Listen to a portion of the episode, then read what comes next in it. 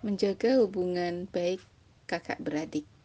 Nah, di dalam suatu rumah tangga bisa dipastikan bahwa keharmonisan ini merupakan sesuatu hal yang sangat diimpikan.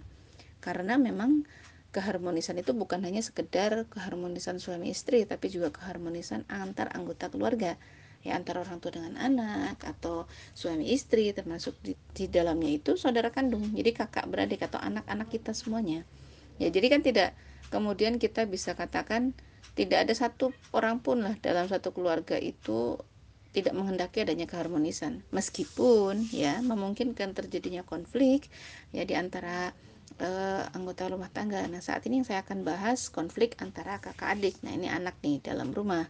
Ya, tidak sedikit kemudian fakta antara anak di situ kemudian mereka saling uh, terjadi konflik ya, misalkan suka tidak akur ya kemudian juga mereka bertengkar saling mencela saling menyakiti ya biasanya kan ada keributan di rumah itu karena ketidakharmonisan kakak beradik ini tadi. Nah ada juga sedikit dari orang tua yang kemudian merasa stres ya bingung bagaimana sih menyikapi kok ribut mulu nih anak-anaknya di rumah. Nah, ini kan sesuatu hal yang sebenarnya memungkinkan sekali membuat e, depresinya terutama ibu ya. Karena hal ini ketika berlarut-larut terjadi konfliknya justru dampaknya akan semakin buruk. Ya biasanya akan putus silaturahim ketika mereka dewasa atau mungkin banyak hal lah ya. Atau mungkin sampai serangan fisik ya. Sampai sesama anak laki-laki misalkan sampai benar-benar mereka itu saling tinju. Nah ini kan hal yang seperti ini bisa mengancam keharmonisan dan juga keutuhan dalam rumah tangga padahal hal sepele sama-sama anak gitu. Tapi ternyata e, rumah yang tidak terjaga kondusivitasnya justru akan menjadi ancaman terhadap keutuhan rumah. Nah di sinilah kata kuncinya itu ada pada orang tua. Saya katakan orang tua punya peranan yang sangat penting dalam menjaga keharmonisan antar anggota keluarga. Ya dia punya peran. Yang pertama kita bisa perhatikan ya apakah orang tua di sini punya uh, kemampuan untuk memahamkan anak-anak tentang kewajiban terikat dengan syariat sejak dini atau tidak. Ya kalau dia biasa anak itu biasa terikat syariat sejak dini mereka harus harus sholat. Ya mereka tidak boleh meninggalkan sholat. Mereka keluar rumah kayak perempuan pakai hijab auratnya ditutup dan sebagainya. Ini kan bagian dari kita kenalkan anak-anak kita dengan syariat. Jadi kalau anak sudah terbiasa terikat dengan syariat karena Allah yang memerintahkan Tuhan kita yang memerintahkan. Nah, sehingga nanti untuk beragam PR-PR syariat yang lain pun mudah bagi orang tua untuk bisa menjelaskan. Nah, ini kan diawali dari bagaimana dalam proses eh, anak-anak uh, dalam kandungan. Ya, maksimal nggak nih orang tuanya, ibunya terutama dalam hal ini menomorsatukan Allah dan Rasulnya ketika sejak anak masih dalam kandungan. Sehingga jangan dari situlah kemudian seorang anak nanti eh, apakah sering dilus perutnya ya didoakan ketika masih dalam perut ya kemudian dilatih bagaimana mereka pun senantiasa tidak dimanjakan dengan kondisi ya pasti berat ya orang hamil tuh tapi kan kita tidak memanjakan diri kita. Membiasakan seorang ibu ini tadi ketika hamil sejak dalam kandungan itu terikat pada hukum syariat pun sebenarnya sedang mendidik anak kita yang ada dalam eh, perut kita pun untuk senantiasa nanti ketika lahir pun insya Allah taat Nah, kemudian masalah penanaman tentang kewajiban terikat pada syariat ini juga termasuk nanti kalau mereka sudah terbiasa terikat wajib taat sama syariat mereka tahu, maka membuat mereka tahu tentang adab dan akhlak kepada saudara pun artinya sesuatu hal yang pasti mau tidak mau mudah untuk dicetak kalau orang tua memang sudah terbiasa mencetak anak untuk senantiasa taat. Nah, tapi kalau sudah dari kecil tuh jor-joran, jadi anak itu dibiarkan di los begitu saja untuk sekedar menanamkan pemahaman bahwa itu saudaramu tegakkan akhlak padanya susah, ya. Artinya orang tua di sini seharusnya bisa menanamkan sejak dini bagaimana eh, apa namanya secara masih dini di sini berarti kan sejak dalam kandungan ya misalkan seorang kakak di sini tahu adiknya di dalam kandungan ada ya dia dipahamkan sudah mulai dipahamkan ini adikmu ini saudara kandungmu dikasih pengertian ini si kakak ini tadi ya. Ini juga ada di perut umi dia saudaramu disayang juga dan sebagainya. Ini sesuatu hal yang memang harus dikondisikan. Nggak bisa ujuk-ujuk ya. Ujuk-ujuk seorang kakak harus sayang sama adanya lah dia siapa? Tiba-tiba mengambil alih kasih sayangnya ibu dari saya misalkan. Kan pasti akan ada pikiran demikian. Sehingga dalam hal ini memang harus dilatih sejak anak masih anak adiknya sejak masih dalam kandungan. Itu sudah dilatih lewat lisannya seorang ibu atau suami ayah bapaknya Kemudian juga bisa dengan cara dilibatkan langsung dalam persiapannya, ya. Persiapan ketika mau melahirkan, ketika menyiapkan adiknya mau mandi, adik jadi kakak di sini akan merasa dia dihargai, jadi dia tidak akan cemburu, tidak akan yang tidak ada yang tergantikan dari kasih sayang ibunya itu tadi, ya. Dulu biasa hanya dia yang dipeluk, sekarang ibu harus memeluk adiknya yang lain, jangan merasa demikian, ini jangan sampai hanya anak e, merasa ada yang hilang dalam diri dia, dia tidak dihargai lagi tapi di sini peran fungsinya seorang ibu libatkan anak kita si kakak ini tadi untuk mempersiapkan segala sesuatu yang kaitannya dengan adiknya ketika dia masih kecil ya. Tapi kalau sudah menginjak balik orang tua bisa memberi pemahaman lebih dengan dalil hadis Quran ya jelas ya. Misalkan kisahnya eh, sahabat ya. Ada orang tua yang ingin menemui Nabi ya. Dan orang-orang yang ada di dalam untuk uh, apa di dalam majelis tidak segera melapangkan tempat untuk memberikan jalan kepada orang tua tersebut.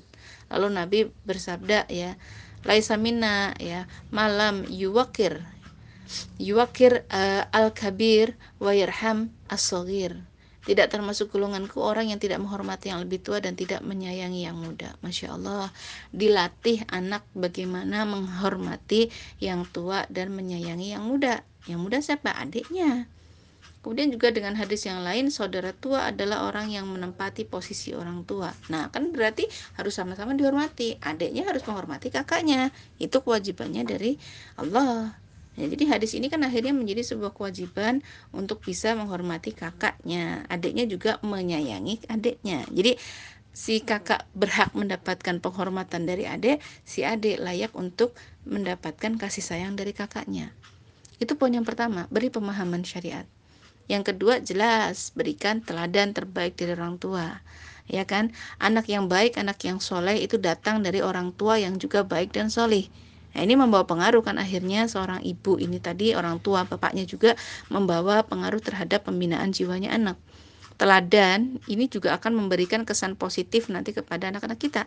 Jadi jangan anggap jangan mudah kemudian kita mengejudge anak kita itu nakal dan sebagainya hanya karena mereka nggak mau menghargai nih, nggak mau menyayangi adiknya ya jangan diharapkan kalau orang tua juga ternyata biasa bersikap kasar ya. Sesama misalkan orang tua bapak ibunya ini saling ngomong kasar tidak menghargai tidak menghormati bagaimana anaknya kemudian tidak meniru ya kan nggak mungkin. Sehingga di sini orang tua harus senantiasa menjadi e, contoh ya. Menjadi teladan terdepan dalam masalah ketaatan keteladanan kebaikan kesolehan itu orang tuanya karena anak-anak akan melihat setiap waktu apa yang dilakukan oleh orang tua. Jadi anak-anak itu merupakan cerminan dari orang tuanya. Itu pasti. Ya, jangan salahkan anaknya tok. Cermin dirinya itu coba ibu-ibu ini nyermin lah, bapak-bapak juga nyermin di sini. Ya, ada yang salah nggak sih kok anak kita sampai kayak gini? Nah, sehingga di sini kita perlu membangun motivasi bersama dalam rumah ya supaya bisa meningkatkan keimanan ketakwaan para penghuni rumah semuanya. Anak-anak bapak orang tua semuanya. Ya jadi orang tua contoh utama sehingga dia bisa menggambarkan kebersamaan itu sesuatu yang diharapkan keharmonisan itu sesuatu yang sama-sama ingin kita bangun. Jadi bukan hanya kebersamaan nanti di dunia saja ya mungkin dunia bisa jadi kita terpisah-pisah tapi kita berharap kebersamaan itu nanti sampai ke akhirat ya apalagi anak sudah menginjak usia balik kan bisa jadi sekolah di luar kota. Kan nggak mungkin kita akan sama-sama terus kan nggak mungkin. Memungkinkan terjadi perpisahan LDRan dengan suami atau bapaknya pergi dan sebagainya. Itu memungkinkan sekali hal demikian terjadi. Tapi kan yang kita maksudkan kebersamaan itu bukan masalah fisik saja sekedar bersama secara fisik. Tapi kulub hatinya di sini loh yang senantiasa ada perasaan bersama untuk sampai kepada akhirat. Nah itu yang kedua yang ketiga bersikap adil dan jangan pilih kasih.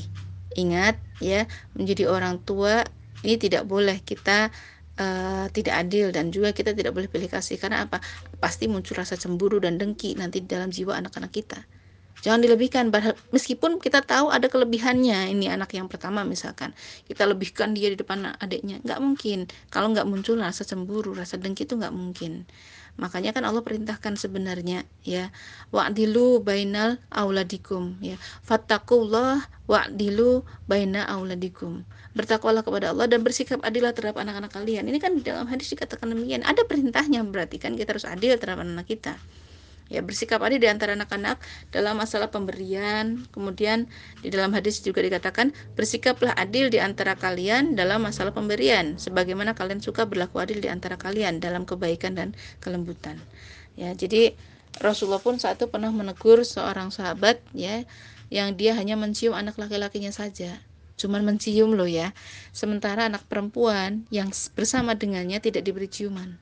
Saat melihat kejadian tersebut kemudian Rasulullah menyebut ya bersabda kepada sahabat demikian. Kamu tidak bersikap adil pada keduanya. Nah loh. Ada sahabat yang mencium anaknya hanya anak laki-lakinya saja anak perempuannya tidak dianggap tidak adil. Ini hanya sekedar ciuman. Kadang kita menyepelekan hal seperti ini. Tapi ini mau pengaruh yang luar biasa jadi sikap pilih kasih ini jelas akan memberikan dampak yang buruk ya terhadap anak-anak kita nantinya. Muncul rasa cemburu, iri, dengki, permusuhan. Ini akan akhirnya memutus tali silaturahim. Orang tuanya udah meninggal, anaknya cerah, udah ibaratnya udah ribut semuanya, akhirnya nggak kenal. Nauzubillah min dalik. Ini sebuah keburukan nantinya yang akan dampaknya itu panjang. Jadi di sinilah pentingnya orang tua harus bersikap adil karena dia orang tua pun akan dapat kebaikan dan pasti anak-anak pun juga akan dapat kebaikan ada pahala yang berlipat ya di sisi Allah ketika orang-orang yang bersikap adil ini menegakkan keadilan. Ya Allah berfirman uh, di dalam hadis digambarkan ya orang yang bersikap adil akan ditempatkan di atas mimbar-mimbar yang terbuat dari cahaya. Masya Allah bersikap adil lah terhadap anak-anak kita. Nah yang keempat jika memang benar-benar terjadi eh, keributan ya perang saudara ya segera melerai Ya, jadi kalau mau segera nih kalau terjadi perselisihan pertengkaran biasanya kan anak biasa tuh ya main jotos kadang kalau sampai anak laki-laki kan begitu orang tua harus segera segera ini jangan menanti nanti atau hanya sekedar dengan mulut ya segera dilerai jernihkan hati dan pikiran mereka supaya tidak muncul kebencian ada apa? Ayo diselesaikan dulu. Ayo saling sayang, saling peluk. Dan setelahnya pelukan, minta maaf. Nah, kalau memang bisa begitu, masya Allah luar biasa karena tidak ada masalah yang tidak ada solusinya. Begitupun juga masalah anak-anak harus dilihat secara objektif ya. Orang tua inilah ibu inilah yang memang harus punya pemikiran yang objektif. Siapa yang benar, siapa yang salah.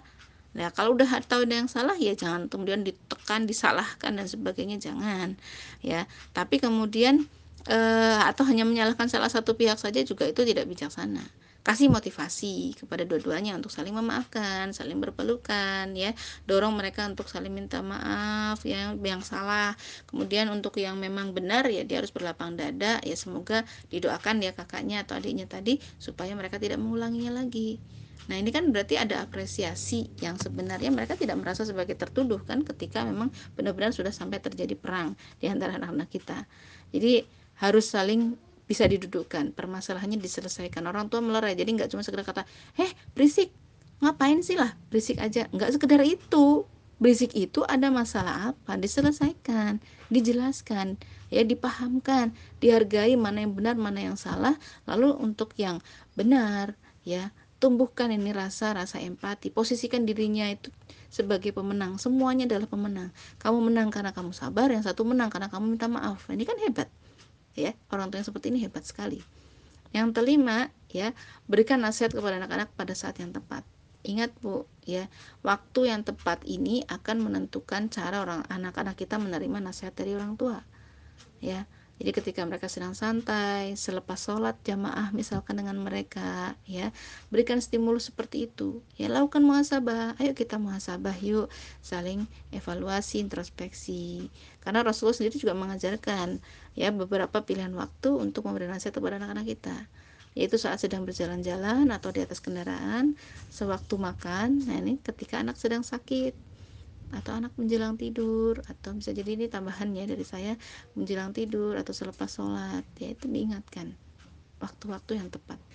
Kemudian yang terakhir doakan anak-anak kita bayangkan wajah-wajah mereka ya. Mantapkan rasa cinta kita kepada anak-anak kita. Meminta kepada Allah dengan sungguh-sungguh dengan penuh harap penuh empati ya penuh dengan penuh ke segala segala cara. Gimana caranya doa-doa ini menjadi uh, doa yang dikabulkan doakan anak kita supaya menjadi kurut ayun ya yang senantiasa akidahnya itu kuat mereka menjadi taat pada syariat akhlak yang terjaga saling menolong dengan saudaranya dan senantiasa dipenuhi ketaatan dan kesabaran dalam setiap waktu mereka semoga kelak anak-anak kita menjadi anak-anak terbaik, anak-anak yang soleh, ya penolong agamanya Allah dan senantiasa kita pun akan mendapatkan pahala jariah dari anak-anak kita. Amin amin ya rabbal alamin. Assalamualaikum warahmatullahi wabarakatuh.